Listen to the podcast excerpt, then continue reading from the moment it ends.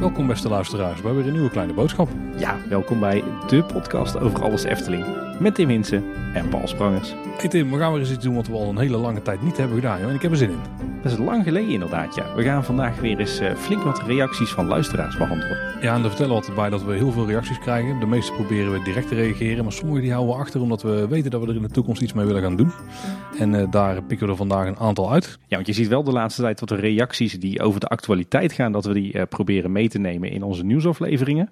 Maar meer de, de tijdlozere eh, vragen en opmerkingen en eh, stellingen en eh, dilemma's voor ons. die bewaren we inderdaad. Ook omdat we daar eigenlijk in onze nieuwsafleveringen geen tijd meer voor hebben. Aangezien die toch vaak ook de twee uur aantikken. En we hebben inmiddels een, een enorme verzameling reacties waar we nog wat mee willen. En vandaag is het eindelijk weer zover. We zullen er maar eens meteen induiken, Tim.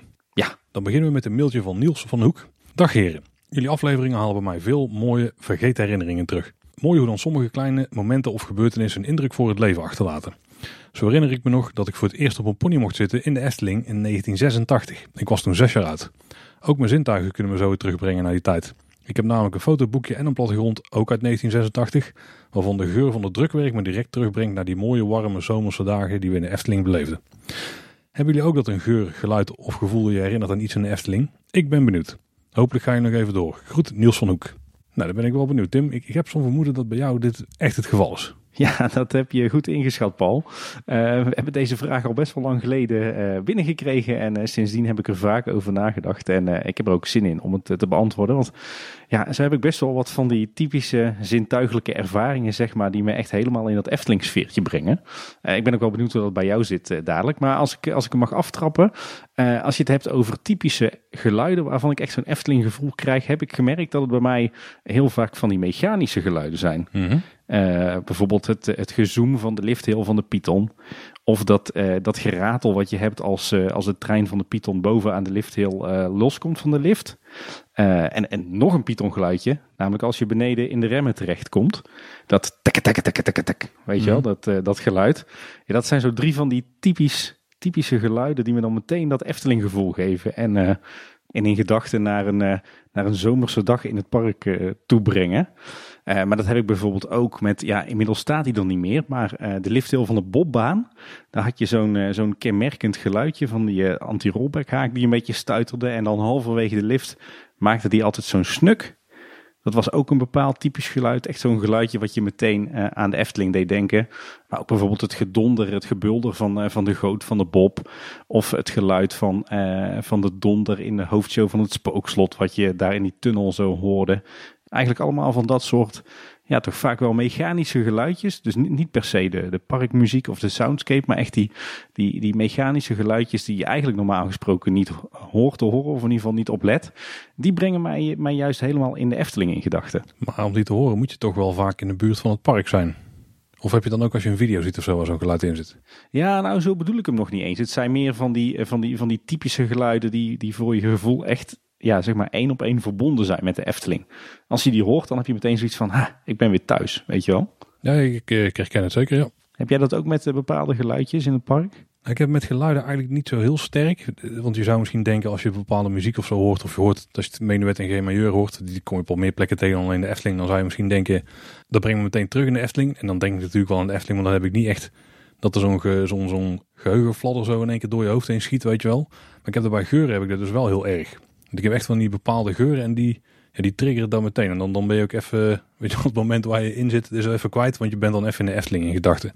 En met wat voor geuren heb jij dat dan? Nou ja, we hebben, is echt stond toevallig, maar toevallig heeft mijn vrouw die denkt ik ga even duurzaam doen, dus ik eh, heb een stuk zeep gekocht eh, wat dan shampoo is. Eh, dus daar smeer je zeg maar je haar mee in of zo. Ik heb het in de praktijk er niet zien werken, maar in ieder geval daar zit dus die geur aan die nu bij Hans en Grietje hangt, bijvoorbeeld.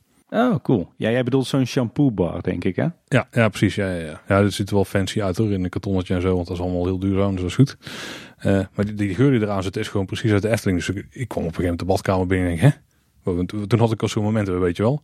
Dus dat brengt me heel erg terug. Maar ik heb ook gewoon eh Fata Morgana, dat, dat water of zo. Het heeft ook zo'n bepaalde lucht. Ja, ja, dus zeker. dan ben je ook ergens, dan denk je van... Hé, hey, eh, dan ben je ook even weer op het moment even in, in Fata Morgana in je gedachten. Eh, en ook gewoon een bepaalde geureffect, weet je wel. Bij Fata Morgana heb je ook die uh, parfum die ze daar, uh, of die wel zoetere lucht die ze daar inpompen. En bij Droomvlucht heb je het trouwens ook. Ja, die heb je ook wel eens gewoon als een, ik weet niet waar, waar ik die dan tegenkom. Maar dan ben ik op een plek, hangt die geur ook. Of iemand heeft parfum op en daar heeft daar een, een, flink wel van weg. En dan brengt me dat er ook weer naar terug. Dus dat soort dingen. Dus niet, niet per se de bewust aangebrachte geuren, maar die ook wel zeker. maar ook heel veel van de de smeerlucht van de, bij de Python of zo. Daar heb ik wel iets minder, maar af en toe ook wel. Als er dan de omstandigheden goed zijn, zeg maar. Misschien is het toch het zonnetje erbij en onder luchtje.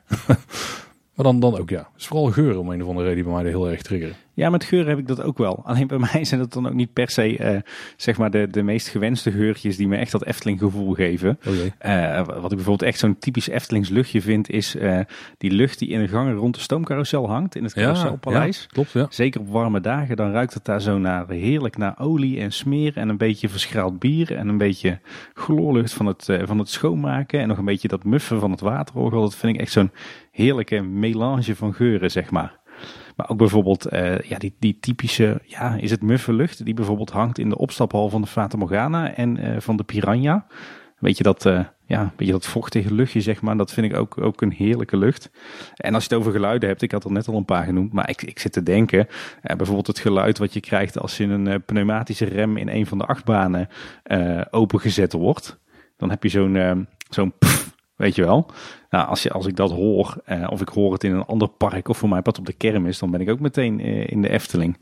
Of uh, dat geluid van, uh, van de pagode die, uh, die neerkomt en die wordt opgevangen door die cilinders. Dat is ook zo'n heel typerend geluidje. Dan ben ik ook weer meteen in de Efteling in gedachten. Dus ja, gek genoeg zijn het nou net die mechanische geluidjes en de muffe luchtjes die ik dan weer juist heel erg associeer met de Efteling. Of, of die juist echt dat hele sterke Efteling gevoel ineens naar boven brengen. Meer dan een, een suikerspinlucht of de bloemenlucht van Droomvlucht of inderdaad de parkmuziek. Dat is heel bijzonder eigenlijk. Ja, ik denk dat ik het wel snap, omdat ook de, zijn meer de ondertonen van de ervaring van de Eftelingen. Die, die bijgeluiden en misschien ook wel die, die geuren, die liggen er iets minder dik bovenop dan hetgene wat je ziet en hetgene wat je hoort.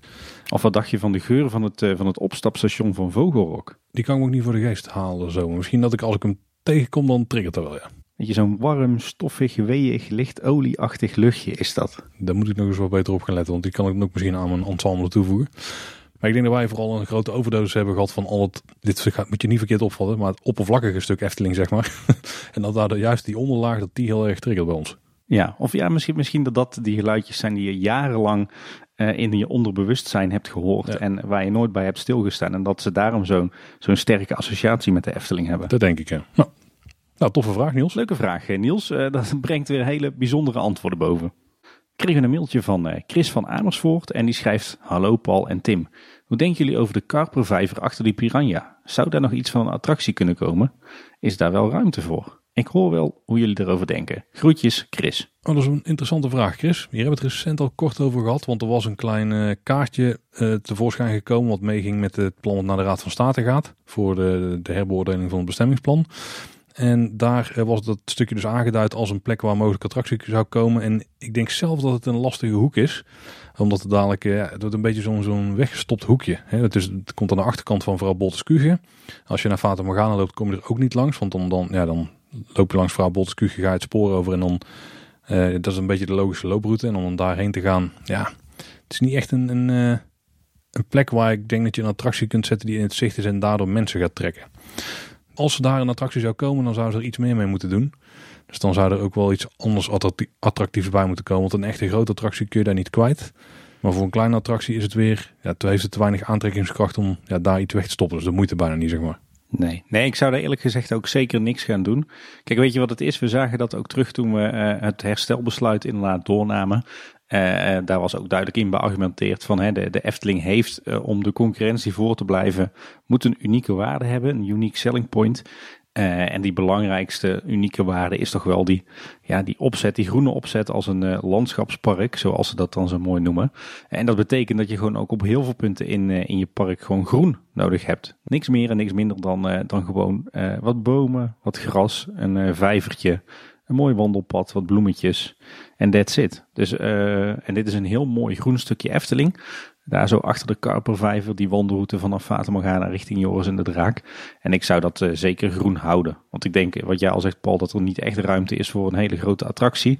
Hou het dan gewoon lekker groen. En, en zie het een beetje als een groene buffer tussen het, het Anderrijk en het Ruigrijk. Dus uh, nee, ik zou daar uh, qua attracties niks doen. wat ze misschien wel kunnen doen, is dat veldje iets aantrekkelijker maken als een soort picknickweide. Of een mini-versie van de picknickweide. Want je ziet er wel eens mensen liggen, zeker op de warme dagen. Dan is dat best een mooi schaduwrijk plekje aan het water. Uh, met wat, wat vogels die daar rond zwemmen. Zo. Dat is een mooie plek. Alleen het nodigt niet echt uit om daar ook te gaan zitten of zo. Dus misschien als ze bankjes dan aan de rand van het gras zouden plaatsen. Misschien een paar grotere openingen in de heg of zo. Ja. Misschien dat dat dan nog geldt. Dan, dan is het nog iets van invulling waar de mensen ook direct iets aan hebben. Dus heeft het een lichte attractieve waarde. Hoewel er nu ook al mensen gaan liggen. Maar ja, nou vergis je niet hoor. In, in zomers is het daar echt hartstikke druk. Zeker op de, de oude zomeravonden lagen de mensen daar uh, rug aan rug bij wijze van spreken. Zeker als het lekker warm was. Ik denk dat, uh, dat uh, het probleem daar is, is dat ze daar een tijd terug een vrij hoge haag hebben ingezet. Misschien wel om te voorkomen dat kindjes richting de vijver wandelen en erin vallen. Uh, maar daardoor is het grasveld inderdaad een stuk minder toegankelijk dan in het verleden. Toen er alleen van die uh, houten paaltjes langs het pad stonden met van die houten balken erin. Toen kon je natuurlijk overal gewoon over het balkje heen stappen en lekker in het gras gaan liggen. Nu is dat wat lastiger, maar je hebt al wat openingen in de, in de heg daar. Misschien dat het daardoor inderdaad minder populair is. Maar wat jij zegt Paul, het is inderdaad een, eh, een prima plek om zomers even van de schaduw te genieten. Even uit te rusten en wat te eten en te drinken. En misschien als we straks uh, Bekkerij Krumel hebben, uh, dat er toch ook meer horeca geconsumeerd gaat uh, worden in die hoek. En dat mensen automatisch wel wat vaker hier in het gras gaan liggen. Ja, dan het ligt wel aan de andere kant van het gebouw. Dus ik denk dat mensen daar niet natuurlijk heen trekken, zeg maar. Er wordt er nog iets mee weggestopt. Maar daar gaan we dan vanzelf ervaren. Ja, misschien als er op een goede zomerdag weer lekker veel buitenverkopen op het Fata plein staan. Met vers fruit en allerlei exotische lekkernijen. Misschien dat je dan hier wel een mooi plekje hebt om uh, dat even op te peuzelen.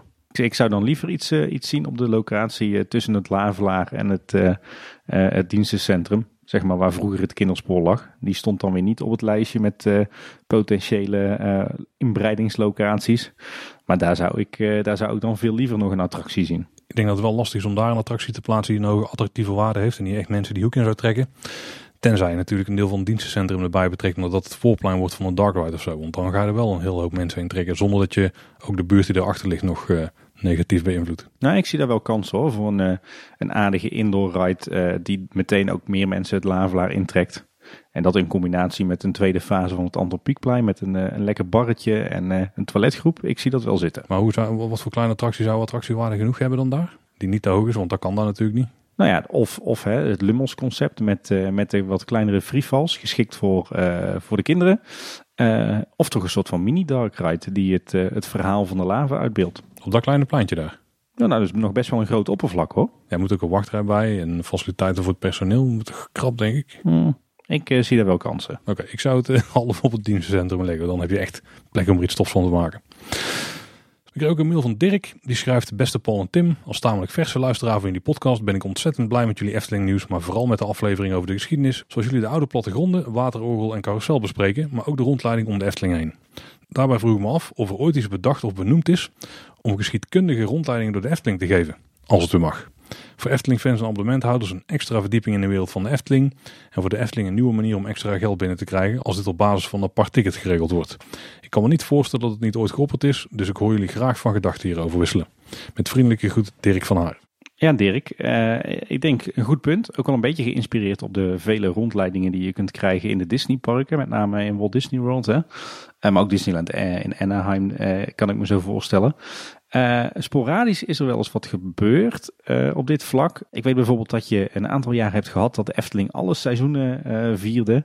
Dus had je naast een, een zeven zomer en een winter Efteling ook een lente Efteling en een herfst Efteling. En in de lente Efteling werden er dan wel eens rondleidingen gegeven met als, als thema het, het groen in het park. Onder meer door Mario Dieltjes. We hebben natuurlijk zelf enige tijd geleden ook zo'n rondleiding van hem gehad. dus dat gebeurde wel eens. Ja, en je ziet ook wel eens dat bepaalde gezelschappen een rondleiding krijgen van een Sander de Bruin of een Frans Gounet of in het verleden een Koen Bertes. Uh, maar voor zover ik weet zijn er nooit echt rondleidingen gegeven door het park die, uh, die focussen op de geschiedenis. En ja, als je het mij vraagt, is dat zeker wel een, een goede optie om ja, toch wat meer omzet te draaien weer. Uh, want ik denk dat je daar best wel een mooi bedrag voor kan vragen. En ik denk dat het uh, zeker uh, interessant kan zijn voor, voor de liefhebbers. Stel je bijvoorbeeld voor dat Gerry van Dongen, de, de archivaris van de Efteling en ook echt iemand die, die alles weet over de geschiedenis van het park. Stel je voor dat hij rondleidingen gaat geven over hoe de Efteling er in de jaren 50 bij stond. Nou, ik denk dat hij heel wat interessante verhalen te vertellen heeft. En daar zou ik zomaar 25 euro voor over hebben. Dat is een goed idee. Ehm, maar voor zover ik weet is er nooit wat mee gedaan. Nou, je kunt hier wel eventueel al een klein voorproefje van krijgen. Dan moet je namelijk naar het Efteling Museum gaan en hopen dat je een van de gouden oude treft. Want als je daar een beetje rondhangt en met die mensen aan de praat raakt, dan uh, willen ze zeker wel door in ieder geval het museum een toertje geven. En vertellen over alle historische feitjes die zij weten. En dan nemen ze mee naar het wonderdepot en dan kunnen ze over al die attributen vertellen uh, waar ze vandaan komen, waar ze hebben gestaan. Het is er al een klein beetje. Maar daar moet je geluk bij hebben. En het is uh, denk ik niet hetgene wat jij zoekt. Want kijkers achter het scherm zou ook wel heel tof zijn. Ja, maar dit is wat mij betreft ook gewoon uh, is de gat in de markt. Dat denk ik wel. Ja, ik denk dat hier best wel wat animo voor is. Ik denk niet dat het iets is wat je doorlopend moet doen, net zoals Disney. Ik denk niet dat daar genoeg mensen voor lang genoeg voor blijven bij de Efteling. Maar ik denk dat je zeker wel enkele duizenden liefhebbers over een periode van een paar jaar door de neus zou kunnen boren. Om het maar onderbiedig te zeggen. Ik zou absoluut een keer meegaan. Maar dat zou ook een verrassing zijn, denk ik. dat wij twee wel voor openstaan. Nee, inderdaad. Wij hebben af en toe ook wel het, uh, het privilege dat we dat soort rondleidingen krijgen. Dat is dan weer het voordeel van uh, deze podcast maken. Uh, nee, ik zou zeggen, Efteling, probeer het eens uit een jubileumjaar. Ik bedoel, wat is er nou leuker dan dat ze straks hun 75-jarig bestaan vieren. Of, of een 70-jarig bestaan, dat is natuurlijk nog korter bij. En dat je naast een, een jubileumboek en een jubileumvideo ook jubileumrondleidingen kunt krijgen door het park. Ik denk dat dat een prima manier is om daarmee te beginnen. Ik kan me één ding voorstellen wat wel leuker is. Er zou een grote jubileumattractie zijn. Iets met misschien een circus of zo. En een achtbaan. Wow. Dat is ook mooi. Zeg ik ook geen nee tegen. maar die rondleiding vind ik ook een goed idee. Ja, laten we die zeker doen. Mooie, mooie infill dan, toch? Ja, en wie weet gaan wij nog wel ooit zo'n toertje maken die je met de oortjes op in de Efteling kunt luisteren. En dan helemaal voor niks uh, in je podcast app gewoon staat. Nou, daar zeg ik ook geen nee tegen inderdaad. Daarnaast kregen we ook nog een mail van Joep. En die schrijft, dag Paul en Tim. Zoals jullie vermoeden ben ik niet alleen fan van Kleine Boodschap, maar ook van de Efteling. Ik overweeg al enkele jaren om een Efteling abonnement te nemen. Dat is duur, maar ik heb het er wel voor over, zelfs als arme student. Er zijn in mijn omgeving alleen maar weinigen die net zo'n Efteling freak zijn als ik. En alleen naar het park gaan vind ik ook zoiets. Toch moeten er genoeg Efteling-fans zijn die graag een keer naar het park gaan met anderen. Hebben jullie tips waar ik anderen kan vinden? Hoe zou ik mensen kunnen ontmoeten? Zijn er bijvoorbeeld al fora waar anderen met deze vragen rondlopen? Ik vroeg me af of jullie het dus in een aflevering willen behandelen. Ik kan me namelijk voorstellen dat er veel meer mensen, zeker jongeren, zijn met dezelfde probleem als ik. Bedankt voor jullie afleveringen en houdoe waar. Ja, Joep. Ja, eh, ik weet in de tijd dat, eh, dat ik een beetje begon met, eh, met het omgaan met andere Efteling-fans, zo rond het jaar 2000, was dat eigenlijk vrij overzichtelijk. Want eh, je had de Twinkelchat om af te spreken met andere fans en op Wonderchat postte je je verhalen. En daar werd ook nog wel eens contact gelegd en die organiseerde wondermeetings waarbij je andere fans ontmoette. Dat ging toen eigenlijk best wel goed, maar dat hebben we de, de laatste tijd niet echt meer. Team Park was natuurlijk ook zo'n zo'n enorm bekend voor uh, waar ook volop meetings werden georganiseerd. Nu is dat eigenlijk niet meer. Ja, de, de, zeg maar een beetje de opvolger van Theme Park is natuurlijk het, uh, het forum pretpark.club. Volgens mij wordt daar nog wel eens uh, afgesproken, dus je zou je daar eens kunnen inschrijven. Ja, en, en wat nu natuurlijk heel groot is, is social media. Hè? Twitter, Instagram, Facebook ook nog wel. ik zou bijna zeggen, word, word daar actief, leg daar contacten met, met andere Efteling-liefhebbers en wie weet dat je eens kan afspreken. Ja, ik denk dat dat wel een beetje het ding is. Als je mensen wil ontmoeten via social media, dan kom je er alleen niet aan om je wel te mengen in die discussies. En dat is ook een beetje wat in je aard ligt.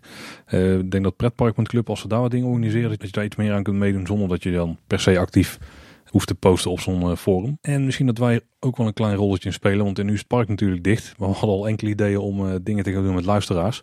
Dus stel we organiseren weer een keer iets, dan ben je natuurlijk van harte welkom. En daar kom je vast mensen tegen waar je later misschien weer naar de Efteling gaat. En de zaken die wij nu een beetje op het oog hebben, die zijn buiten de Efteling. Maar er zal vast nog een bezoekje aan vastgeplakt worden.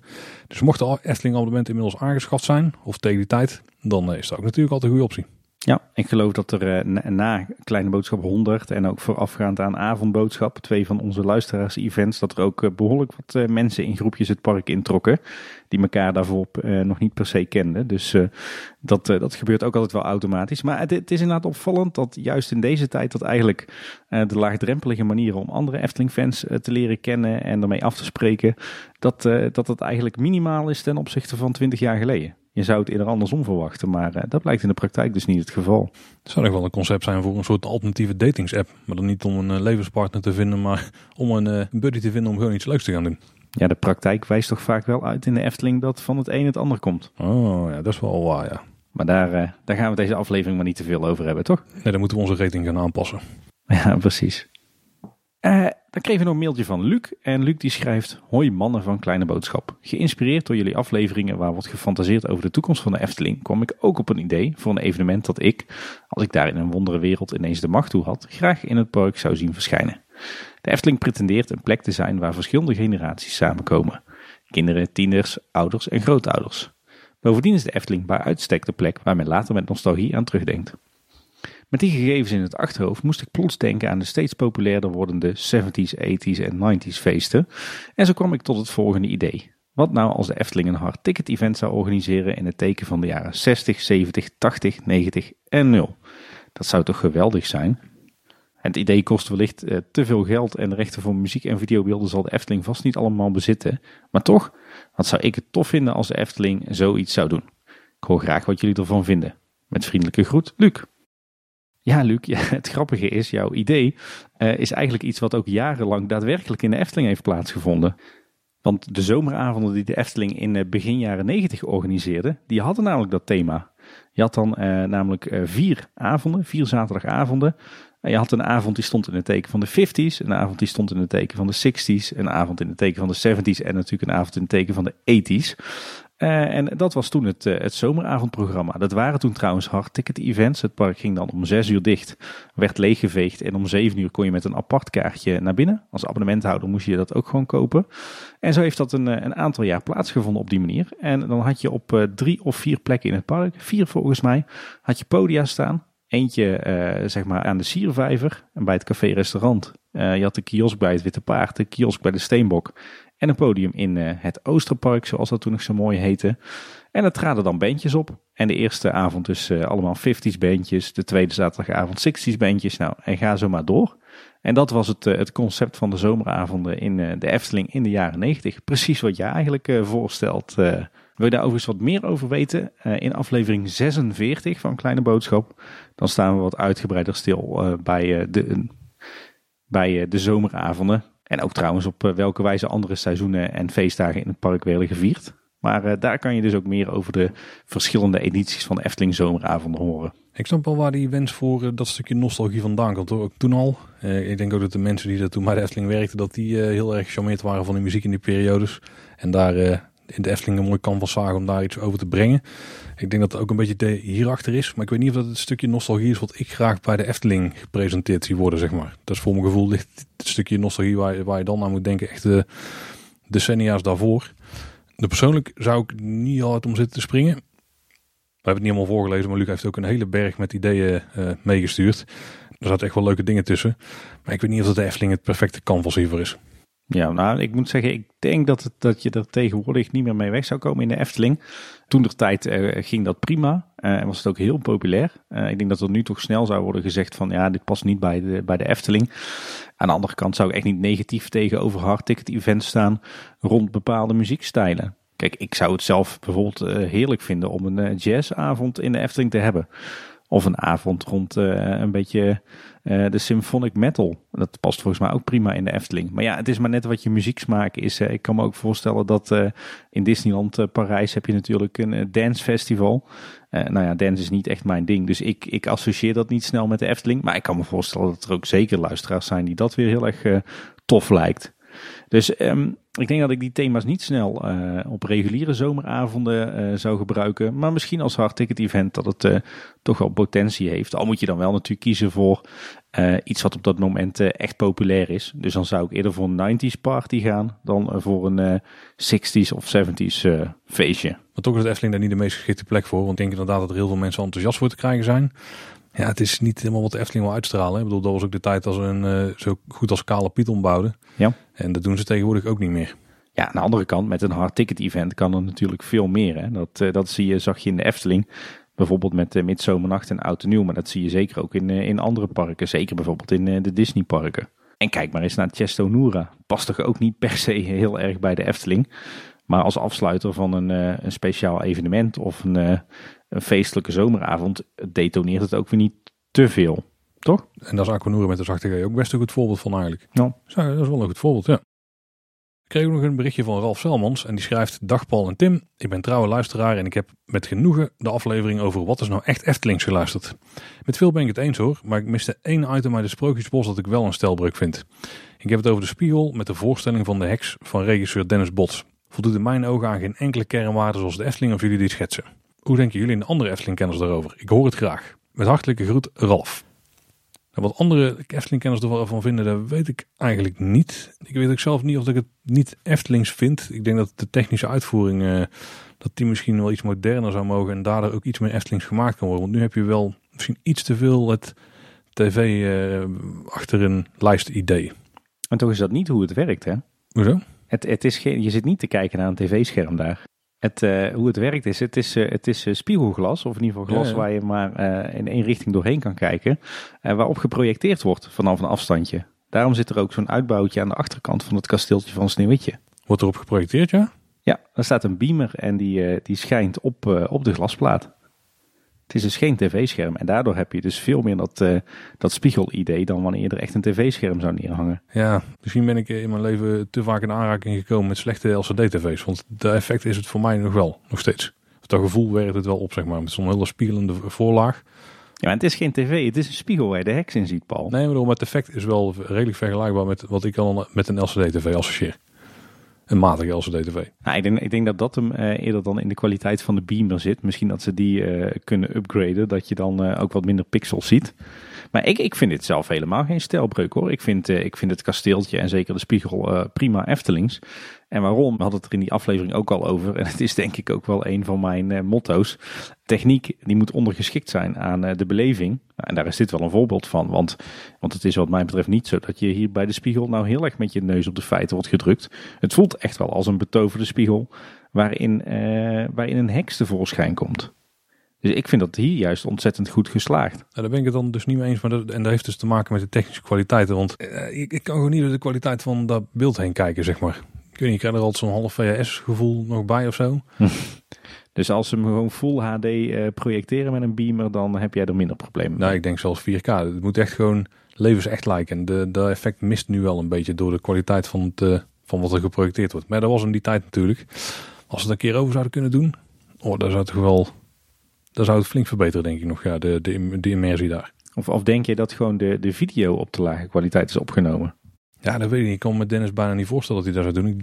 Misschien is het al op film geschoten. En dan kun je er natuurlijk nog een... Uh, ja, de digitale effecten zijn dan misschien op lagere kwaliteit erin geperst. Ik weet het niet. Het zal digitaal zijn hoor, maar ik weet het niet. Ik ben er niet helemaal kapot van. Maar daar haalt mij er in ieder geval uit. Weet je wat dat trouwens ook nog leuk is om te weten? Je kunt een beamerlamp natuurlijk niet continu uitzetten en daarna weer aan, want dan moet hij afkoelen voordat hij het weer doet. Uh, en daarom zit er een, een plaatje die ze voor de beamerlens draaien. En op het moment dat uh, het einde van het filmpje, dan zie je dat sneeuwwitje zich zo omdraait. En dan komt er van linksboven naar rechtsonder zo'n zwarte waas over het scherm. En dat is dat, dat afschermplaatje wat voor de lens van de beamer schuift. Een keer leer je allemaal nieuwe dingen. Cool hè? Dat is zeker cool. Peter Reinders zou er trots op zijn. ja, inderdaad. Ik vind het niet per se niet Eftelings. Ik ben ook wel benieuwd, dus uh, reageer zeker nog even vooral van wat het dan het specifiek is wat je niet Eftelings eraan vindt, of de stijlbreuk. Het kan nog iets overtuigender, denk ik, met moderne technologie. Ik denk eerder dat het juist een vrij moderne uitbeelding is van een sprookje ten opzichte van andere sprookjes in het Sprookjesbos met relatief veel techniek. Maar ik vind het heel geslaagd en ook heel Eftelings. Dus uh, zolang uh, de techniek maar ondergeschikt is aan de beleving, hoor je mij niet klagen. We kregen een mailtje van Reda van der Putten. En die schrijft: Beste Paul en Tim, heel erg bedankt voor jullie mooie podcast. Ik heb aandachtig genoten van jullie aflevering over het jaarverslag deel 1. Een vraagje daarover die volgens mij nog niet benoemd is. Waarom zou de Efteling hebben bezuinigd op Max en Moritz vanwege tegenvallende bezoekerscijfers in 2019, terwijl er nog wel winst overbleef in dat jaar, welke naar de reserves is gegaan? Vinden jullie dat niet jammer, aangezien de achtbaan minimaal 25 jaar mee moet en er dus nog wel financiële ruimte was? Ook was corona bij de oplevering al uitgebroken. Ikzelf vond Max en Moritz overigens geweldig voor mijn zoon van vier. De scheetkussen achtbaan blijft in zijn geheugen gegrift. Alvast bedankt voor jullie visie hierop. Het is een best een goede vraag. Ja. Corona in het achterhoofd, ja, dan, dan snap ik natuurlijk wel waarom ze het zouden hebben gedaan. Maar dit speelde al daarvoor. Dit speelde ruim daarvoor, ja. Want het, het, op het moment dat corona uitbrak wereldwijd, toen was denk ik de attractie al 95% gereed. En toen waren al die kosten ook wel gemaakt. Uh, maar we weten inderdaad wel uit het geruchtencircuit dat er inderdaad uh, bezuinigd is op uh, Max en Moritz. misschien ook wel stevig bezuinigd. maar goed, hoe dat precies zit weten we natuurlijk niet. je hebt gelijk, er is in 2019 nog steeds aardig wat winst gemaakt. Maar ehm, waar het hem in zit, denk ik, is dat de Efteling eigenlijk ja, zeg maar een heel erg voorzichtig financieel beleid heeft. En ik kan me zomaar voorstellen dat ze ieder jaar bepaalde targets hebben hè, qua omzet, qua kosten, qua wat er overblijft aan bruto winst en netto winst. Uh, en ik denk dat ze zichzelf daar gewoon uh, ook in 2019 aan hebben willen houden. Ja, op het moment dat dan de bezoekersaantallen tegenvallen en de omzet valt tegen, ja, dan moet je wat gaan doen aan je kosten. En omdat de Efteling attracties meestal bouwt uh, uit de omzet, betekent dat dus ook dat de kosten van de investering naar beneden moeten. En zal er waarschijnlijk gewoon gezegd hebben van, nou, omdat de bezoekersaantallen en de omzet tegenvallen, moet gewoon dit bedrag bezuinigd worden op die investering projectteam succes. Dus ik denk dat dat is wat er is gebeurd. Ja, en wat vinden we daarvan? Aan de ene kant natuurlijk heel erg jammer. Hè? Het is wat jij zegt, zo'n attractie die gaat 25, eh, maar misschien zelfs wel 40 jaar mee. Uh, dus waarom dan niet net even die extra paar miljoen uitgeven om hem net even een tandje beter te maken? Uh, hè, want voor hetzelfde geld heb je het jaar daarna een heel goed jaar en denk je, shit, hadden we dat geld maar uitgegeven. Maar goed, aan de andere kant, ik denk dat 2020 en ook 2021 bewijzen dat het wel degelijk verstandig is om een heel voorzichtig financieel beleid te hebben. Uh, zeker als je als Efteling tot in de eeuwigheid wilt voortbestaan. Dus ja, ik baal er ook van, van dat soort bezuinigingen. Uh, en ik weet ook niet of ik het zelf snel zou doen. Maar ja, aan de andere kant, voordeel van zo'n voorzichtig financieel beleid is natuurlijk wel dat we nog decennia lang van het park kunnen gaan uh, genieten. Dus ja, ergens snap ik het wel. En misschien ook een goede om rekening mee te houden dat bezuinigingen niet alleen maar voortkomen uit dat, dat er van tevoren is gezegd er moet minder geld in gedaan worden. Maar als je project loopt en er blijkt dat dan bepaalde zaken financieel tegenvallen of dat er veel meer tijd in gestopt moet worden. Dat betekent dat als je het projectbudget hetzelfde wil houden, dat je op andere dingen moet gaan beknibbelen. En die zitten dan vaak wel meer aan het einde van het project. Want er zijn gewoon bepaalde zaken die gaan voor alles. En dat je überhaupt een attractie hebt die werkt en dat de veiligheid oké is.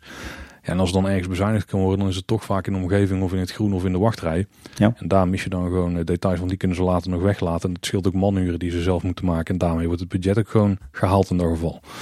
Dus dat kan ook wel eens gebeurd zijn hier. Ja, ja want het werkt eigenlijk zo. Hè. Bij eh, projecten heb je vaak een spanningsveld tussen drie factoren. Geld, tijd en kwaliteit. Uh, en als er uh, gewoon een hele duidelijke projectopdracht is vanuit uh, de directie en daar hangt gewoon een, een projectbudget aan vast, dit mag het kosten en geen cent meer, ja, dan is dat gewoon het allerbelangrijkste. En dat betekent inderdaad wat je zegt, Paul, als je wat, wat eh, technische tegenvallers hebt, maar het budget blijft vaststaan en je wil je als projectteam ervoor hard maken uh, dat je binnen budget blijft, ja, dan sneuvelen andere zaken. In het verleden is het wel eens het tegenovergestelde gebeurd, hè? dat het dus een projectbudget was, maar dat bleek dat er meer geld nodig was. Kijk naar Fata Morgana en Droomvlucht. Ja. En toen werd er meer geld vrijgemaakt. Maar die, die, dat willen ze gewoon op dit moment niet. En het bleek achteraf een goede keuze te zijn, want anders was je buffer voor 2020 een stuk eh, kleiner geweest. Ja, ja en vergis je ook niet, een uh, projectbudget wordt vaak uh, helemaal aan het begin van het project vastgesteld op basis van wat schetsen en ideeën. En naarmate je dan vervolgens een ontwerp verder gaat uitwerken en technisch gaat uitwerken, ja, dan worden die begrotingen steeds specifieker. En dan wordt het vaak ook, uh, ook duurder. Ik zie dat ook in mijn eigen werk dagelijks. Uh, ja, en het ene bedrijf, de ene instantie zegt, uh, dat maakt niet uit, dan moet er maar geld bij. Want die kwaliteit die staat, die hebben we heel hoog in het vaandel. En die moeten we al, ten alle tijde halen, dus dan maar geld erbij.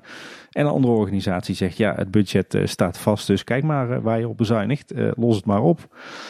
Voor beide is wat te zeggen. Maar uh, ja, in dit soort jaren denk ik dat het goed is dat de Efteling daar heel voorzichtig in is. En om even jouw laatste opmerking uh, nog te onderschrijven. Mijn kids die vinden Max en Moritz ook een geweldige achtbaan en attractie. Dus daar kunnen ze elkaar zeker een hand schudden. Ja, absoluut. Geldt voor mij ook. Mijn oudste dochter mag er inmiddels ook in. En die is ook dol op Max en Moritz. En ik moet zeggen, daardoor ga ik de attractie zelf toch ook stiekem wel weer wat meer waarderen kreeg ook een berichtje van Inge. Die schrijft: Hoi mannen, vandaag hebben jullie nieuwste afleveringen geluisterd. Eigenlijk is mijn reactie vooral gericht naar aanleiding van uitspraken van Tim. Het ging volgens mij, Tim, dat jij ooit had gezegd dat je tegenwoordig steeds sneller misselijk werd. Ja, klopt. Ik ben een misselijk mannetje. en Inge die vervolgt: Ik herken het van het misselijk worden in de achtbanen. Naarmate ik ouder word, gaat en ging het steeds slechter. Echter heb ik de afgelopen jaren een aantal dingen geleerd. 1. Hoe vaak je een attractie doet met enige regelmaat, hoe beter je de G-kracht en dergelijke weer aan kunt. Vorig jaar namelijk regelmatig een Efteling te vinden en in het begin voelde ik zelfs een ritje vliegende Hollander, maar na verloop van tijd had ik nergens meer last van. Nou, dat is wel een goede om in de gaten te houden. Zeker. Punt 2. Een ander punt waar ik jullie over hoorde en wat ik ook ervaren heb, is dat je niet met een te lege maag een attractie moet gaan. Ik was nooit misselijk en 6,5 jaar geleden ben ik in een dagje Port Aventura super misselijk geweest. Normaal heb ik mijn tas vol met eten en drinken, maar doordat we een week in Barcelona waren en een dagje naar PortAventura gingen, besloten we om alles daar te komen. Daarbij een Kaan en Shambhala binnen vijf minuten gedaan, dankzij de Single Riders Line. Nou, dat klinkt normaal gesproken als een goed idee trouwens. Ja. Maar daarna voelde ik me uren echt slecht. Nadat ik geluncht had, ging het wel weer beter. Sindsdien zorg ik dat ik de hele dag door kleine beetjes eet. Dat helpt echt superveel. Ook wat frisse dingen als fruit of rauwkost, die werken en eet niet te veel vet. Dat helpt bij mij erg goed. Een schipschommel, topspin of van die kleine heuveltjes in een achtbaan. Bijvoorbeeld het einde van Goliath, bedoelt ze bunny denk ik. Of de boosterbike. Ja. Die verdragen nog steeds niet heel goed. Groetjes Inge. Nou, dit was meer een, een heel belangrijke huishoudelijke mededeling van Inge voor iedereen die ouder wordt. Ja. Want eh, ik hoor wel van meer mensen dat ze er steeds meer last van krijgen. Maar eigenlijk moeten we dus gewoon heel vaak in achtbanen gaan. Dan hou het onder de duim en goed eten. Ja, ja, maar ik denk dat daar momenteel ook wel een beetje de oorzaak ligt. Hè? Want ja, wij hebben allebei eh, jonge kinderen. Eh, die van mij zijn twee en vier, die van jou vier en zes. Eh, en dan heb je als papa en mama ook niet heel veel gelegenheid tijdens een dagje Efteling om achtbanen te doen. Tenminste, ik, als ik kijk naar mijn eigen coaster count. Ja. Ja, sinds ik kinderen heb, ga ik aanzienlijk minder in achtbanen dan, dan daarvoor. Eh, dus ja, dat is dan ook meteen de oorzaak. En anderzijds ook de belemmering om het op te lossen, zeg maar. Ze moeten gewoon ouder worden, dan moet je mee. Ja, precies. Ja, dat merk ik wel. Mijn oudste die is bijvoorbeeld dol op eh, de halve maan. Die gaat daar het liefst eh, twee, drie keer achter elkaar in. En ik moet natuurlijk altijd mee. En ik merk dat ik het daar dan toch best wel taai in heb hoor. Maar het helpt inderdaad om ervoor te zorgen dat je altijd een gevulde maag hebt. Dus bedankt Inge voor je ja, hele behulpzame tips. Kreeg een mailtje van eh, Laurens en die schrijft... Dag Paul en Tim. Naar aanleiding van de kleine boodschap afleveringen 11 en 122 heb ik voor jullie een vraag. In aflevering 122 hebben jullie het over achterstallig onderhoud van attracties. Waaronder Draak Edna, Fata en Droomvlucht. En in aflevering 11 beoordelen jullie Symbolica. Ik ben vorige week voor het eerst in mijn leven in Symbolica geweest. Een hele mooie attractie. Maar waarom is in zo'n rijk gethematiseerde attractie de trap rechts tussen het station en het observatorium leeg? Hij bedoelt dan eh, de, de wenteltrap. Ik denk namelijk dat het de Efteling een kleine moeite kost om die trap magischer vorm te geven. Mijn vraag aan jullie. Wat is jullie mening over de trap tussen het station en het observatorium in Symbolica? Groetjes, Laurens. Nou ja, er is dus wel iets te vinden op die trap. En daar is een, eh, een bel. En als je het verhaal daarachter wil horen, dan moet je volgens mij aflevering 100 luisteren. Waarop het Jaap uitlegt eh, waar die bel vandaan komt. Klopt. Ik denk dat ze niet per se meer hoeft te doen hoor. Het is natuurlijk het begin van de attractie. Je zit nog een beetje in, het, op- in de opbouw, zeg maar, naar de eerste scène toe. Nee, ik denk dat het niet heel erg is dat ze daar eh, wat rustig aan opbouwen, zeg maar. Maar volgens mij heb ik, ik weet niet of het nog steeds is, maar ik dacht dat er ook een soort twinkel wel geluidseffect was als je er langs kwam. Of hebben ze dan later nog getweakt? Nee, volgens mij is het, is het geluidseffect, volgens mij hebben we dat ook gehoord in aflevering 100, is dat je, eh dat je Pardoes hoort weglopen. Je hoort voetstappen. Ah ja. Nee, ik denk namelijk dat dit echt een bewuste ontwerpkeuze is geweest. Eh, eh, namelijk omdat het toch een beetje een mysterieus trapje is. Hè? Dus een van de eerste dingen die, je tegenkomt zodra je de attractie inrijdt. En dan heb je die trap waarvan je niet weet waar die naartoe gaat. En daar ligt een belletje van Pardoes. En dat breng je meteen een beetje in zo'n soort, ja, dat mysterieuze, misschien licht ongemakkelijke, spooky gevoel. Dat is natuurlijk een mooie opmaat richting het, eh, het observatorium. Dus ik denk dat dit gewoon een bewuste ontwerpkeuze is geweest. En ik vind het een, eh, een heel mooi stukje symbolica. En volgens mij is het ook een klein knipoogje naar, eh, naar de wenteltrap aan het einde van het kasteeltje van eh, de stiefmoeder van Sneeuwwitje. Oh, als dat de knipoog is, dat weet ik niet. Want daar niet een van de meest bijzondere hoekjes van het sprookjesbos of iets wat verdwenen is of zo. Hoe zou daar een blik in de toekomst zijn, dan gaat die ook weg? Nee. Het is ook wel een klassiek stukje eh, placemaking. Dus mensen het idee geven dat er meer is dan alleen hetgene wat jij ziet. Dat het kasteel groter is dan, Ja, ja. dan de, de delen van het gebouw die jij ziet. En dat doen ze daar inderdaad ook mee. Dus eh, het het dient meerdere doelen. En het zit er volgens mij ook vrij bewust. Alleen de bel die er ligt, dat is een eh, redelijk last minute toevoeging geweest. Maar ik bedoel dus dat dat misschien wel de knipoog is naar het, het achtergelaten mandje met appels en het, het appeltje dat eruit gerold is. Hè, op dat wenteltrapje aan, bij de uitgang van het kasteeltje van de stiefmoeder van Sneeuwwitje. Maar ze zou toch niet bewust daar een wenteltrapje in doen, omdat er in het kasteeltje van de, van de stiefmoeder van Sneeuwwitje ook een wenteltrap zit? Nou, misschien wel het, eh, een beetje hetzelfde gevoel. Ja, daar, daar kan ik me wel Zo voorstellen. van, wat, wat zit daarachter? Wat is daar gebeurd? Daar kan ik me wel voorstellen, ja. Mooi mysterieus stukje symbolica. En we kregen een flinke mail van Wart. En die hebben even een plaat delen gesplitst. Beste heren, met veel plezier luister ik altijd naar jullie podcast. Zo ook naar de aflevering waarin jullie met twee gasten Blue Sky imagineren over de wereld van de Efteling. Oftewel het Efteling Resort. Dus dat is eh, de aflevering die we samen met Niels en Danny maakten. Wat me opviel was dat jullie focussen op de beschikbare ruimte, bestaande en hopelijk toekomstige bestemmingen. Graag had ik nog een stapje terug gedaan en van jullie gehoord wat volgens jullie de doelgroepen van het Efteling Resort zouden moeten zijn. Wat zijn jullie gekozen doelgroepen van houden om nu langer een verblijf in het Efteling Resort te boeken? En de tweede vraag die daarbij komt is, hoe beïnvloeden jullie de keuzes van die doelgroepen? Wanneer je een Plopsa Indoor dan richt je je op gezinnen met kleine kinderen. Maar kinderen met tieners blijven daardoor juist misschien weg. En als je een disco-net uitrijk neerzet, dan stoot dat wellicht families met jonge kinderen en ouderen weer af. Een derde vraag die daarmee samenhangt is, hoe groot zijn die doelgroepen en wat is hun spending power? Is dat genoeg voor wat Efteling op lange termijn, zeg 25 jaar, wil bereiken? Kijk bijvoorbeeld naar Walibi, die met hard gaan vol inzet op tieners en twintigers, om er een paar jaar later achter te komen dat die groep eigenlijk niet groot genoeg voor ze is en dus hun bezoekersaantallen niet zien oplopen.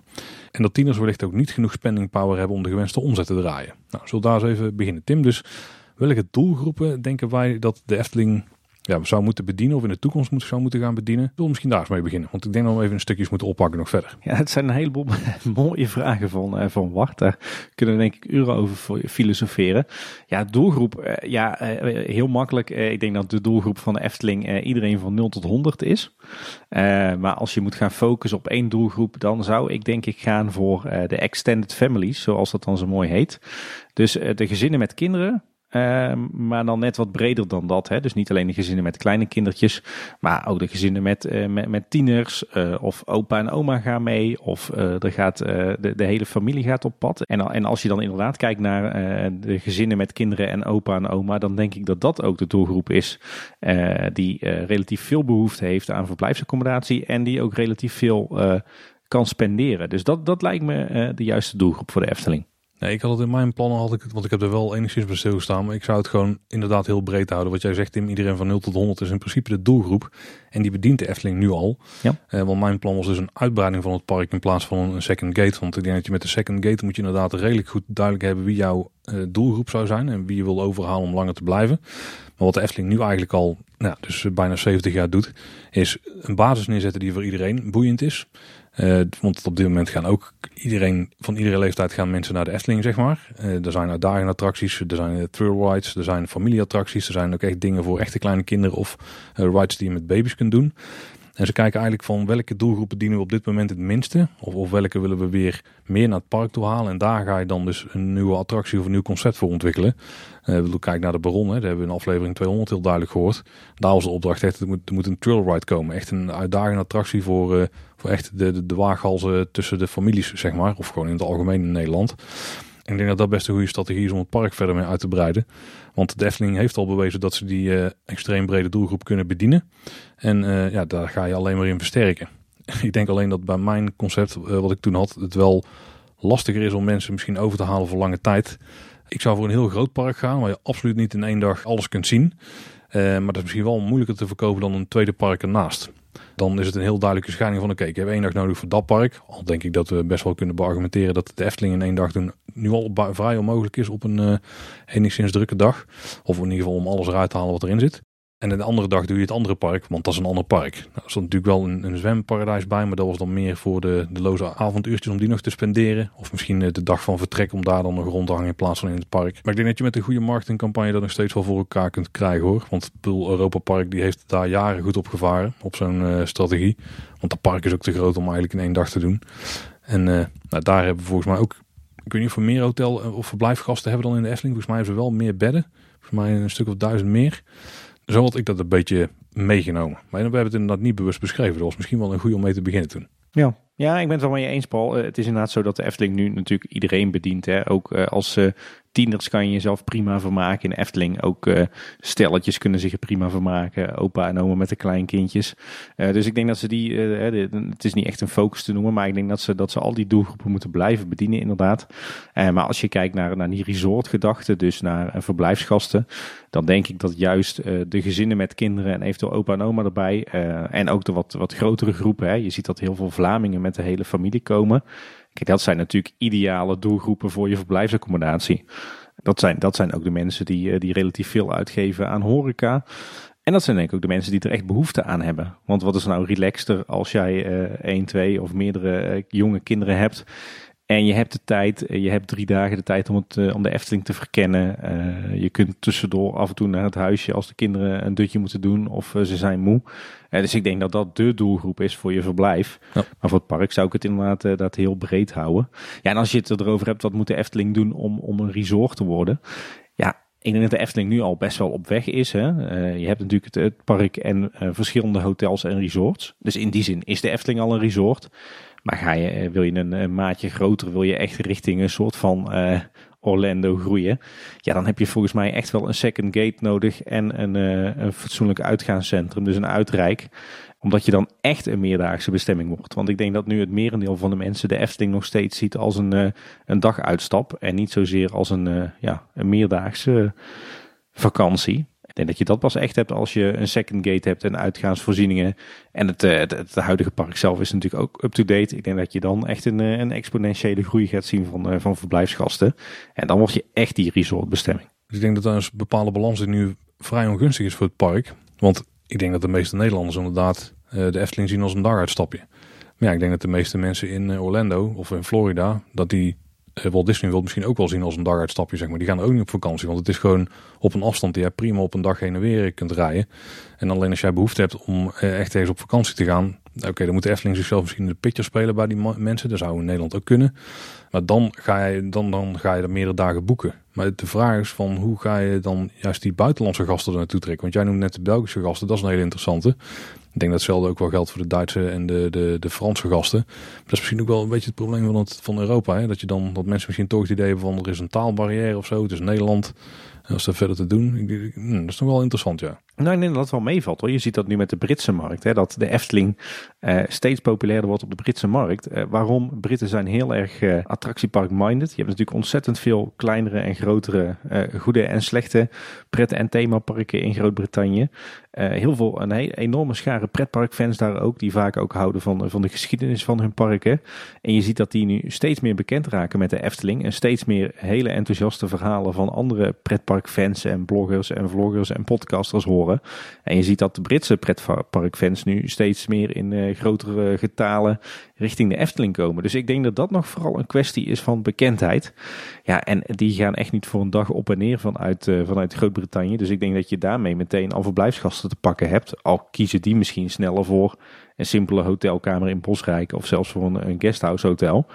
Um, dus ik denk dat dat op zich nog niet zo, niet, niet zo lastig is. Dat is vooral naamsbekendheid opbouwen en een goede reputatie en mond-tot-mond uh, reclame. Nee, maar precies. Je moet het niet hebben van de fans daar. Hè. Je moet het gewoon hebben van het normale volk. Wat voor de Efteling dan aantrekkelijk genoeg blijkt te zijn om er meerdere dagen heen te gaan. Want dat is inderdaad het punt. Als je van verder komt, dan is de kans dat je er langer verblijft is ook logischer. Of meer voor de hand liggend. En daar zouden ze meer op moeten kunnen gaan sturen. Kijk, en de internationale pretparkfans, eh, dat is misschien de voorhoede. Hè, die raken er toch uh, als eerste mee bekend met de Efteling. Hm, vanuit hun hobby, zeg maar. En als die eenmaal enthousiast zijn en zij vertellen het weer tegen hun familie en vrienden en het komt een keer in de krant, dan denk ik dat je langzaam maar zeker ook een naam opbouwt bij uh, de gewone Brit of de gewone Amerikaan.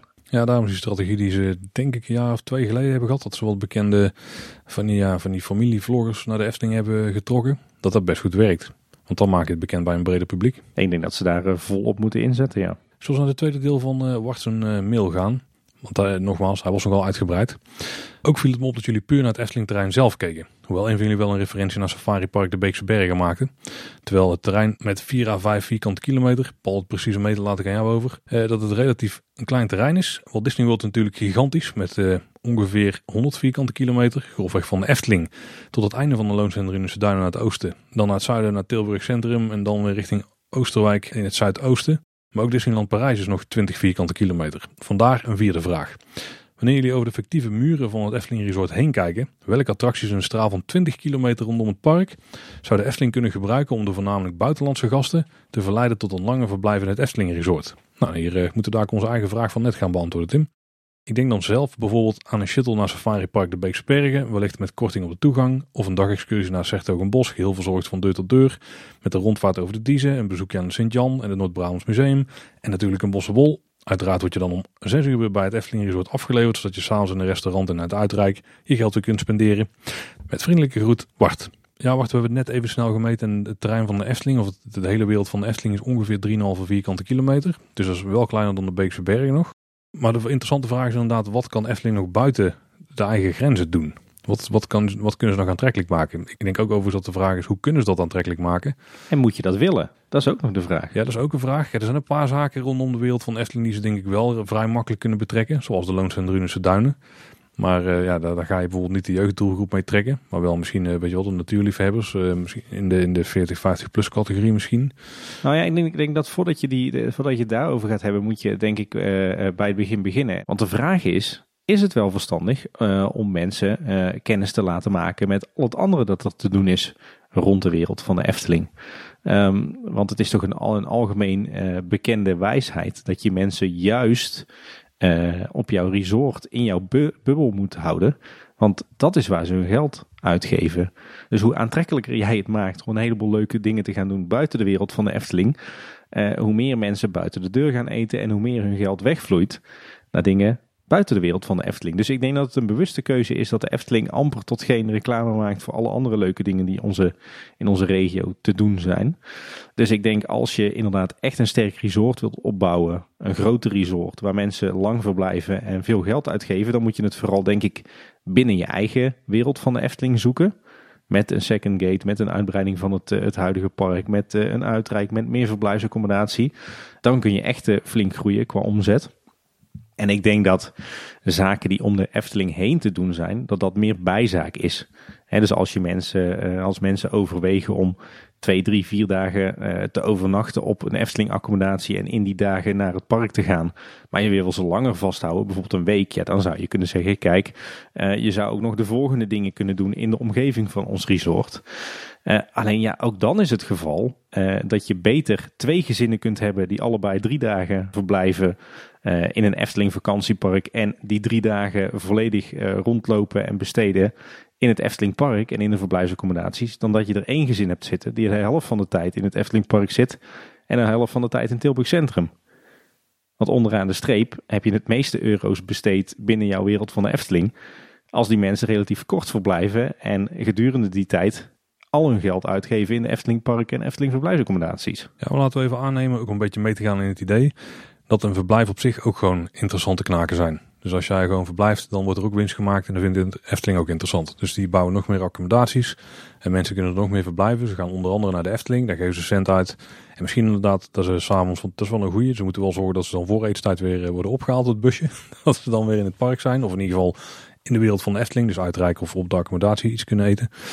Wat zou dan wel interessant zijn in de omgeving? Want ik vind het wel interessant om daar eens uh, bij stil te staan. Ja, uh, er, is heel veel leuks en interessants te zien in deze omgeving. Ik denk dat we daar zomaar uh, weer eens een keer een aflevering met praktische tips over zouden kunnen maken.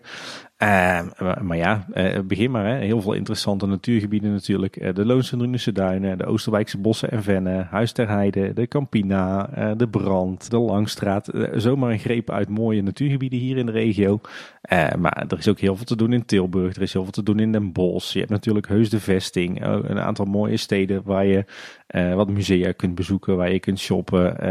je hebt inderdaad meer je hebt inderdaad ook meer uh, toeristische plekken. Hè. Denk inderdaad aan Speelland Beekse Bergen en uh, Safari Park Beekse Bergen. Ja, kun jij zo nog wat meer uh, plekken uit je mouw schudden, Paul? Ja, ik zit ook te denken aan bijvoorbeeld het Blauwe Meer. Ja. Ten zuiden van de Efteling. Daar, daar, kun je ook van alles ondernemen. Misschien wat meer voor wat meer actievere en wat meer uitdagende activiteiten. En misschien boottochten door de Biesbos heen zou ook best interessant kunnen zijn. Door zeker als je als Efteling zeg maar regelt dat je gewoon een boot hebt van de Efteling misschien zelf of huurt. Waar de mensen opzetten. Noem het een, een Disney Cruise Line, maar dan heel, heel minuscuul. maar dan hou je wel het geld ook binnen het park zelf. Dus je kunt die dingen natuurlijk ook gewoon organiseren vanuit de Efteling zelf. Ja. Je hebt ook die, eh, die eh, Disney cruises over de Rijn en zo. En dan gaan ze ook gewoon ook een stad in onder begeleiding.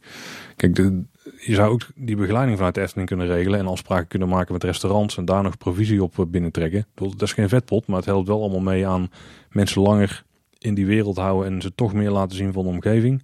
En niet per se het geld wegschuiven. Dus ik denk dat daar wel mogelijkheden zijn hoor. Ik ben daar echt uh, absoluut geen voorstander van. Uh, ik zou echt zeggen, het doel waar je naartoe wil is, is een 100% bezettingsgraad van al je bedden. Uh, en dat die mensen ook 100% van hun tijd besteden en dus ook 100% van hun geld besteden in de wereld van de Efteling.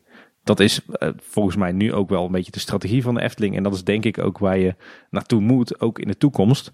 Door dus je wereld van Efteling uit te breiden. Maar al die uitstapjes naar buiten de wereld van de Efteling, daar schiet je niks mee op. Want die mensen die brengen veel minder op als zij een bed in Bosrijk eh, bezet houden.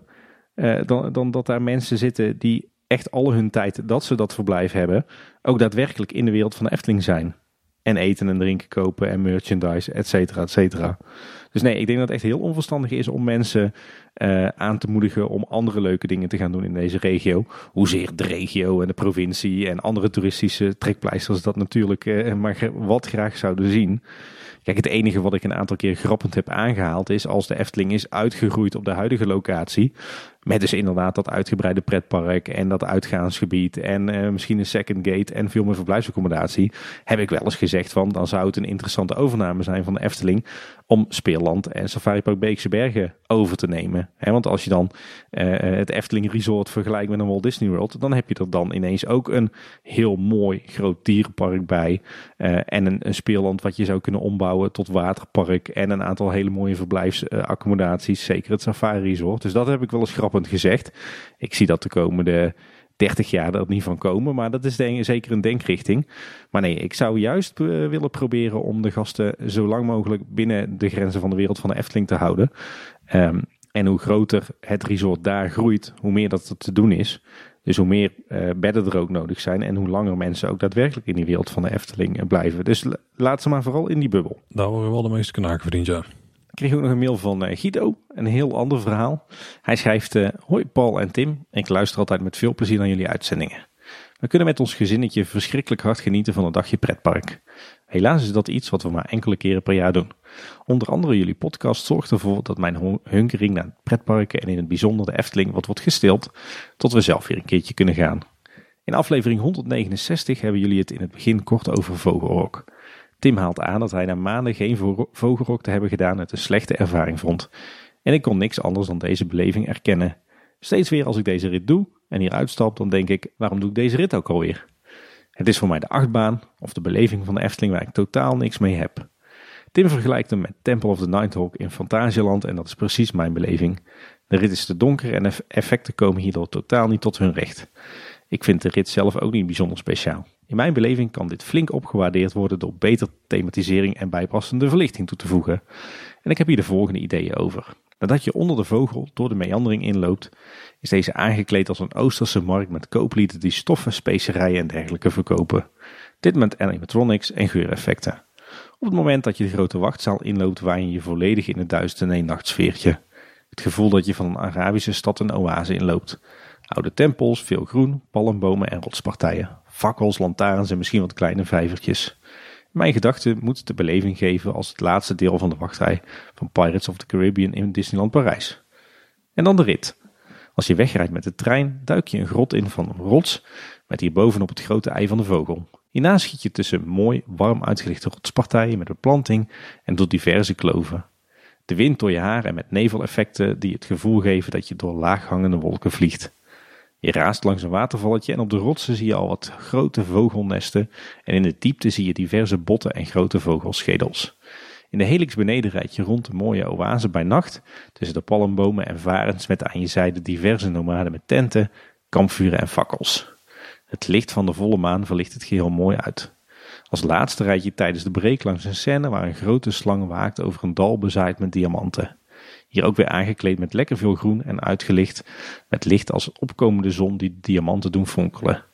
Hierna rijd je het station weer binnen. Ik ben benieuwd of jullie hier wat in kunnen vinden. Met vriendelijke groet, Guido van Hout. Houdaway, zegt hij er ook nog bij.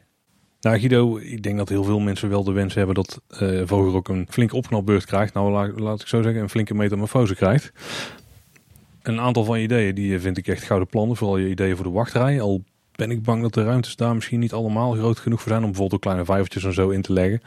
Maar ik denk dat je, mm, we gaan in principe in het begin door een rots door. Ik denk dat je de volgorde misschien moet omdraaien. Dat het meer begint met een soort oase en dat je dan via rotsen een soort geheim stadje komt of zo. Want daar leent de opstapbal zich iets meer voor, denk ik. Alleen een paar van de ideeën die je hebt bij de achtbaan zelf kunnen denk ik praktisch niet. Want als je de achtbaan zou zien met het licht aan, dan zie je dat er vrij weinig ruimte is rondom de ja, eigenlijk rondom de staanders en de baan zelf om daar heel veel decoratie kwijt te kunnen. Er zijn misschien een paar plekken, een paar bochten die je wel kunt inpakken om iets te doen. Maar dan blijft het allemaal nog vrij, dicht op de baan staan. Dus dat daar wel een praktische beperking zit. Maar even kort over uh, de achtbaan zelf. Ja, ik vind ook dus wel een toffe achtbaan. Uh, gewoon de, best originele layout. Flink wat G-krachten. Uh, het ook aan de ene kant best een aardige instapachtbaan. Maar we hadden het net al over dat je af en toe duizelig uit een achtbaan komt. Dat bij Vogelrok ook echt, jongen, als hij, dan, hij draait in het begin heel de tijd naar links, maar zodra die draai dan even naar rechts maakt, vlak voor de breaks, dan ben ik altijd even van het padje af. Dan moet, op de breaks moet ik weer even, de blokbreaks moet ik even weer uh, mijn focus pakken en weten waar vooruit is, zeg maar. Ik vind de achtbaan wel vet. Oh nee, daar heb ik, daar heb ik geen last van. Ik kan Vogelrok echt 24-7 gewoon continu achter elkaar doen. Dat is geen issue. Nee, kwanten zit er bij mij niet in, denk ik. Ik denk dat een keer of 5, 6 wel een beetje de max is. Maar misschien moet ik eraan wennen weer. Hè? En uh, dochter mag er nou in, dus ik heb wel de kans om het wel vaker te doen. Maar terug naar jouw plannen. Ja, ik, vind de plannen echt top. Wat mij betreft kan er wel meer mee gedaan worden dan nu. Ik denk dat de treinen zelf ook aangepast moeten worden trouwens. Ik denk dat je daar een beetje wagens van moet maken of karren of zo. En die dan op de lift worden opgetild door een vogelklauw. En dat je dan een enigszins logische vervolg hebt, zeg maar. Want dan kun je dus naar beneden gaan, naar beneden duiken. En ook weer omhoog gaan als je wordt opgepakt weer door die klauw later. Dat kan dan in het donker het idee zijn natuurlijk. Zeker als je de geluidseffecten daarbij, uh, daarop afstemt. Maar ik ben bang dat in de hal zelf te weinig plek is voor de uitbundige decoratie zoals je die uh, nu voorstelt. Ja. Ja, ik ben heel enthousiast over je ideeën. Ik vind dat, uh, dat Vogel ook echt wel iets meer uh, thematisering mag krijgen. Ik vind, ik vind de achtbaanrit zelf heel leuk, maar verder is het een echt een Efteling onwaardige beleving. Tenminste de laatste keer dat ik erin ben geweest. Maar nog even los van de praktische bezwaren. Ik denk ook dat het wel heel duur is om Vogelrok te herthematiseren. En de vraag is natuurlijk, wat levert het op? Uh, dus ik denk als we heel reëel zijn dat de kans klein is dat hij echt zo'n enorme make-over uh, krijgt. Maar misschien is er een mooie middenweg te vinden waarin de opstaphal en uh, de achtbaanrit toch net wat meer passend thema krijgen. Ja, ik denk dat je vooral moet gaan zoeken in het, de opstaphal, het eerste deel van de lifthill en als je weer terug binnenkomt, zeg maar. Dus de diamantentunnel. Want dat is een punt waar je iets kunt zien. Misschien wat interessante dingen op de vloer die worden uitgelicht. Ja, ik denk dat je in de hal zelf dat je die dus wel vrij donker moet houden. Want dat is hetgene wat die achtbaan wel die achtbaan maakt. En dat kun je aan de ene kant saai vinden, maar het is wel een, een, een rit in het donker. En daar moet het dus wel blijven. Want ik denk dat ik wel een beetje weet waar de wens vandaan komt. Want je ziet in het buitenland wel eens hele toffe indoor achtbanen. Bijvoorbeeld de Mummy, waar eh, de Upload podcast nog een aflevering over had gemaakt. Maar ik denk dat je dat soort attracties kunt verwachten aan in de westuitbreiding in de verre toekomst. Dan denk ik dat we wel wat aardig gethematiseerde binnenachtbanen krijgen. Ja. Ja, misschien moet je dan Vogel ook inderdaad gewoon heel goed inleiden en uh, ook weer uitleiden. Inderdaad met een heel mooi instapstation en een uh, mooie lift en een mooie breaksectie op het einde. Als je gewoon in een donkere nacht door die vogel wordt opgepakt en onder een donkere hemel zeg maar uh, in het rond wordt geslingerd. Ja, dan doet die achtbaan best goed. Maar dan moet je dat idee wel geven dat het ook echt gaat gebeuren. En die inleiding mist nou wel een beetje. Met een, een laser een vogel projecteren in de hal. toch weer een klein beetje Temple of the ja. Night ook hè? dat is toch typisch uit het oosten, lasers? Denk het ook, Paul. Ja, daar heb ik geleerd in Vogelrok. Hey, we kregen nog een mailtje van Kevin die schrijft: Hey, kleine boodschap. Allereerst wil ik jullie bedanken voor de vele interessante en leuke afleveringen. Jullie maken van mijn maandagochtenden in de bus naar school een feestje. Door een bezoekje aan het Openluchtmuseum kwam ik op een idee voor een evenement in de Efteling. En vergeef me als jullie dit idee al eens eerder hebben besproken. Hoe leuk zou het zijn als op het Anton Pieckplein en op de speelweide ambachtelijke beroepen worden tentoongesteld. Mensen zijn daar dan echt bezig met het uitvoeren van zo'n beroep. En de bezoekers kunnen dan meekijken en meedoen. Het Anton is een prachtige locatie hiervoor en ik zie het dan ook helemaal voor me. Mensen die mannen aan het vlechten zijn, een smid die aan het smeden is. En dat terwijl je de heerlijke geur van vers gemaakte stroopwafels ruikt. Op het plein lopen er ook mensen rond die vodden verkopen en een schilder waar je een portret kan laten maken van je gezelschap. Op de speelweide kan je de schapenhouder en de boer helpen. Hoe kijken jullie tegen zo'n evenement aan in de Efteling? Ga zo door, jullie doen het super. Ik kijk weer uit naar een nieuwe aflevering. Groetjes, Kevin van Oudheusden. Nou Kevin, dit is soort van wel ooit ter sprake gekomen. Volgens mij kwam het idee van luisteraar Dirk toen. Maar die zag dit zich meer eh, afspelen in een uitrijk. Dat je daar wat ambachtshuisjes hebt en met ook gewoon winkels waar je dan spullen kunt kopen. Ik denk dat het daar heel goed op zijn plek komt. Ik denk dat het voor de Efteling zelf niet sterk genoeg is om extra mensen uh, naar het park te trekken. Hoewel het wel een heel tof idee is hoor. Want ik zou het zelf wel zien zitten. Want ik loop ook graag op dat soort plekken rond. Zeker als daar ambachtsmannen en vrouwen laten zien wat ze, ja, wat ze allemaal, hoe het allemaal eraan toe ging. Vervlogen tijden. Maar ik denk dat het bij een uitreiking nog ook een, wel een praktisch voordeel. Daardoor het daggebied ook wat extra aantrekkelijk. Want ik denk dat het park zelf het niet per se nodig heeft. Ja, ik moet zeggen, ik ben, ik ben zelf een, een enorm fan van het, het Openluchtmuseum in Arnhem. Dat zal onze luisteraars denk ik... Ik denk dat luisteraars dat wel weten. Ja, niet meer verrassen. uh, maar hou het alsjeblieft ook daar. De Efteling heeft overigens ook wel wat, uh, wat met, met oude ambachten gedaan. Een aantal jaar in de winter Efteling op de Beierse Markt. Dus dat is wel degelijk, heeft dat plaatsgevonden.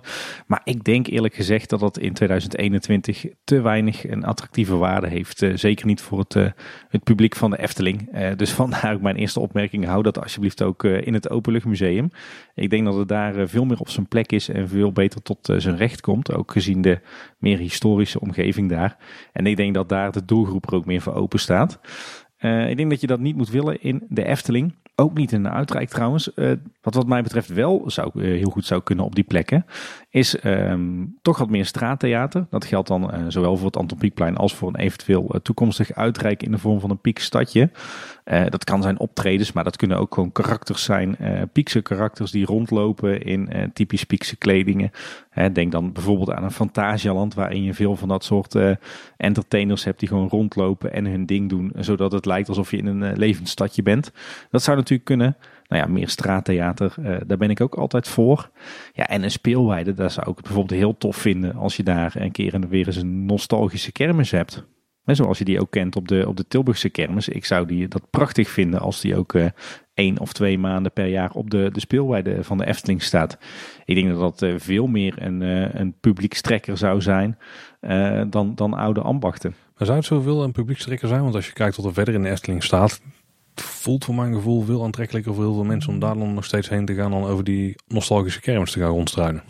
Nou, maar ik denk als dat juist iets, uh, iets tijdelijks is, wat, uh, wat je normaal gesproken niet terugvindt in de Efteling en wat je eigenlijk ook verder nergens terugvindt, behalve op de Tilburgse kermis en een paar grote kermissen door het land, dan denk ik dat dat nog wel een, een aanzuigende werking heeft. Ik denk dat je als je het combineert inderdaad misschien met daar straattheater zeg maar in, dus dat daar dan mensen rondlopen die daar nog uh, een bepaalde extra attractieve waarde aan geven, dat je het dan misschien wel makkelijker nog kunt wegzetten. Ik denk dat molens op een veld vlakbij het Anton Pieckplein, waar ook al redelijk wat molens staan, dat misschien niet zo super interessant is. Maar ja, dan kan er een cakewalk bij en zo natuurlijk. Nou, vergis je niet hoe spectaculair sommige attracties op de nostalgische kermis uh, zijn hoor. Dat zijn uh, één vils, daar kom je tegenwoordig niet meer mee weg, uh, zeg maar. Die komen tegenwoordig niet meer tot keuring heen. Oké, een bepaalde dus- manier van spectaculairheid hebben die. ja. Dus nee, ik denk in 2021 dat je niet meer wegkomt met de oude ambachten in de Efteling. Maar een uh, nostalgische kermis of meer straattheater, daar ben ik wel heel erg voor. En verder gewoon lekker af en toe naar het Openluchtmuseum. Ik krijg ook nog een mailtje van Dirk Maas. Die schrijft: Hallo. In vroege tijden van het telefoonboek, ken je het nog, Tim? Ja, zeker. Toen eh, zocht ik naar de Efteling. Ik kom zelf uit Tilburg, dus dat kon makkelijk. En daar trof ik naast het adres een telefoonnummer ook een telefoonnummer aan om sprookjes te beluisteren. Weet jullie hier nog van? En waarom was het ooit in het leven geroepen? En hoe lang heeft dat bestaan? Met vriendelijke groet Dirk Maas. Nou, Dirk die, die beschreef dat en ik dacht gelijk, dit is een sprookjeslijn. En toen hield mijn kennis ook op. Dus ik denk, hey, ik kan me nog wel heel goed herinneren dat er zoiets was en dat het Sprookjeslijn heette. Uh, dus ik denk, nou, uh, doe eens een wilde gok. Uh, we gaan naar Eftepedia en ja hoor, de Sprookjeslijn heeft zowaar gewoon een eigen lemma. Ik zal het belangrijkste even voorlezen. De Efteling Sprookjeslijn was een telefoonnummer van de Efteling waar je naartoe kon bellen om sprookjes te beluisteren. De lijn werd opgericht in 1985, maar wordt na enkele jaren alweer gestopt. In 1998 wordt de lijn weer nieuw leven ingeroepen. Uh, je kan het dan, uh, het is dan een 0909 nummer wat je kan bellen voor 60 gulden cent per minuut. Enkele jaren later sluit de lijn weer, waarschijnlijk vanwege de afnemende populariteit vanwege de komst van internet. Nou Dirk, al je vragen in één klap beantwoord. Ik moet zeggen dat ik er zelf helemaal niet bekend mee was eigenlijk. Maar zijn vraag was natuurlijk ook waarom is hij in het leven geroepen?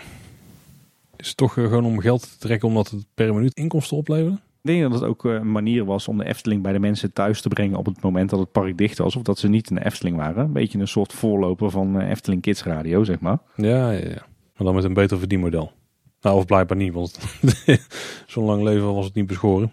Ja, dit, dit was de tijd voor internet hè, en voor mobiele telefonie. Dus toen was dit nog heel wat natuurlijk. Ja, ja maar dit is echt zo'n ding waar ik niet altijd in moeten trappen toen de tijd, denk ik. Ik heb volgens mij nog wel een paar keer gebeld naar, uh, naar de sprookjeslijn. Hoe daar waren je ouders vast blij mee? Nou, die hadden zoiets, ach, als die jongen van de straat is met een hobby als Efteling, dan zijn we al lang blij.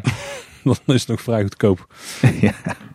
Nou, Tim, we hebben toch weer een hoop mailtjes en vragen kunnen wegwerken van onze luisteraars. Ja, het is ons deze keer gelukt om uh, aardig wat, uh, wat vragen weg te tikken in relatief korte tijd. En ik denk, Paul, dat we na vandaag, dat we onze lijst met reacties uh, helemaal leeggooien. En dat we gewoon beginnen met een schone lei. ja, en aan jullie de vraag, luisteraars. kom maar weer op met jullie reacties ideeën, vragen, stellingen. Wij staan overal voor open. Uh, en als je nou wilt dat je wordt meegenomen in zo'n reactieaflevering, dan is het wel een tip dat je uh, je mail uh, kort houdt. En dat je echt even een, leuke, tijdloze vraag of stelling of dilemma aan ons voorlegt. Want dat zijn eigenlijk de, de ideale reacties waar we echt wat mee kunnen in deze afleveringen. En maar mocht je nou toch een vraag hebben die wat meer op de actualiteit is gericht, ook geen probleem. Want het kan goed zijn dat we die dan in de afleveringen die rondom die periode afspelen gewoon meenemen. Ja, ja en alle reacties zijn natuurlijk welkom. Ook die, uh, die pagina-lange verslagen en uh, al jullie verhalen over wat, uh, wat je van Kleine Boodschap vindt en wanneer je het luistert en wat het voor je betekent. Daar zijn we allemaal heel blij mee. Alleen die zullen we niet lang niet altijd in onze afleveringen meenemen. Maar dat is helemaal niet erg, want dan lezen we ze gewoon zelf. Dan moeten we denk ik gewoon weer het rieltje afgaan, Tim. We zijn er inmiddels geoefend in. Maar stel mensen willen zo'n vraag bij ons krijgen of die hebben misschien een verhaal wat ze graag kwijt willen. Hoe kun je dat beste doen? Op allerhande manieren. Een van die manieren is bijvoorbeeld ons te mailen op info.kleineboodschap.com. En je kunt ook naar onze website, dat is eh, www.kleineboodschap.com. En dan vind je een eh, contactformulier, maar natuurlijk ook al onze afleveringen met bijbehorende show notes. Wil je nou een kortere reactie geven of een kortere vraag stellen, dan kan dat denk ik heel goed via Twitter. Daar zijn we Boodschap. En op Facebook en Instagram zijn we Kleine Boodschap, dat kan ook prima. Ja, en verder luister je ons in uh, alle podcast-apps. Zorg dat je je abonneert of ons volgt in je app. Uh, je kunt ons ook luisteren via Spotify. En als je ons luistert in Apple Podcasts, vinden we het leuk als je ons een rating of een review geeft. Jazeker. Nou, dat was in ieder geval weer voor deze week. Bedankt voor het luisteren. Tot de volgende keer. En houdoe. Houdoe.